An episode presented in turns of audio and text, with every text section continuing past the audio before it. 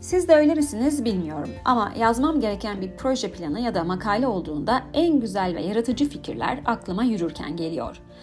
Bazen yürürken aklıma gelen cümlelerin ses kaydını alıyorum. Eve geldiğimde unutmadan kağıda ya da bilgisayara geçireyim diye. The New Yorker dergisinde de buna benzer bir yazı okudum. Yazı tarih boyunca birçok yazarın roman kahramanlarını yürüterek konuşturduklarına değiniyor. Örneğin James Joyce'un ünlü ve bana göre çok sıkıcı romanı Ulysse'de Leopold ve Stephen sokak sokak Dublin'i geziyor. Öyle ki bu sahneleri okuyarak Dublin'in haritasını çıkarmak mümkün. Virginia Woolf'a baktığımızda Mrs. Dalloway adeta Londra sokaklarını çiziyor.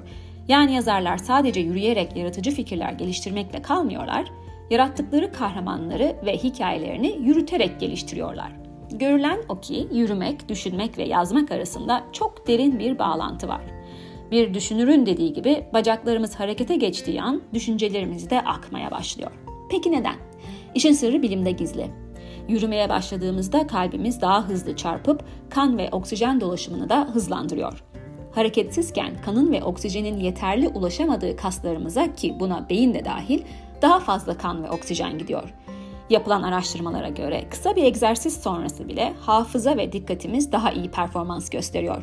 Düzenli yürüdüğümüz zaman ise beyin hücreleri arasındaki bağlantı kuvvetleniyor.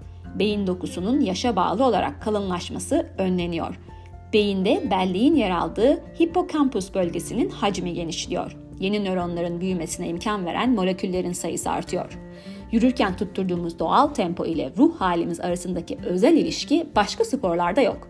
Yani koşarken, bisiklete binerken, spor salonunda ya da araba kullanırken aynı vücut beyin ritmini yakalayamıyoruz.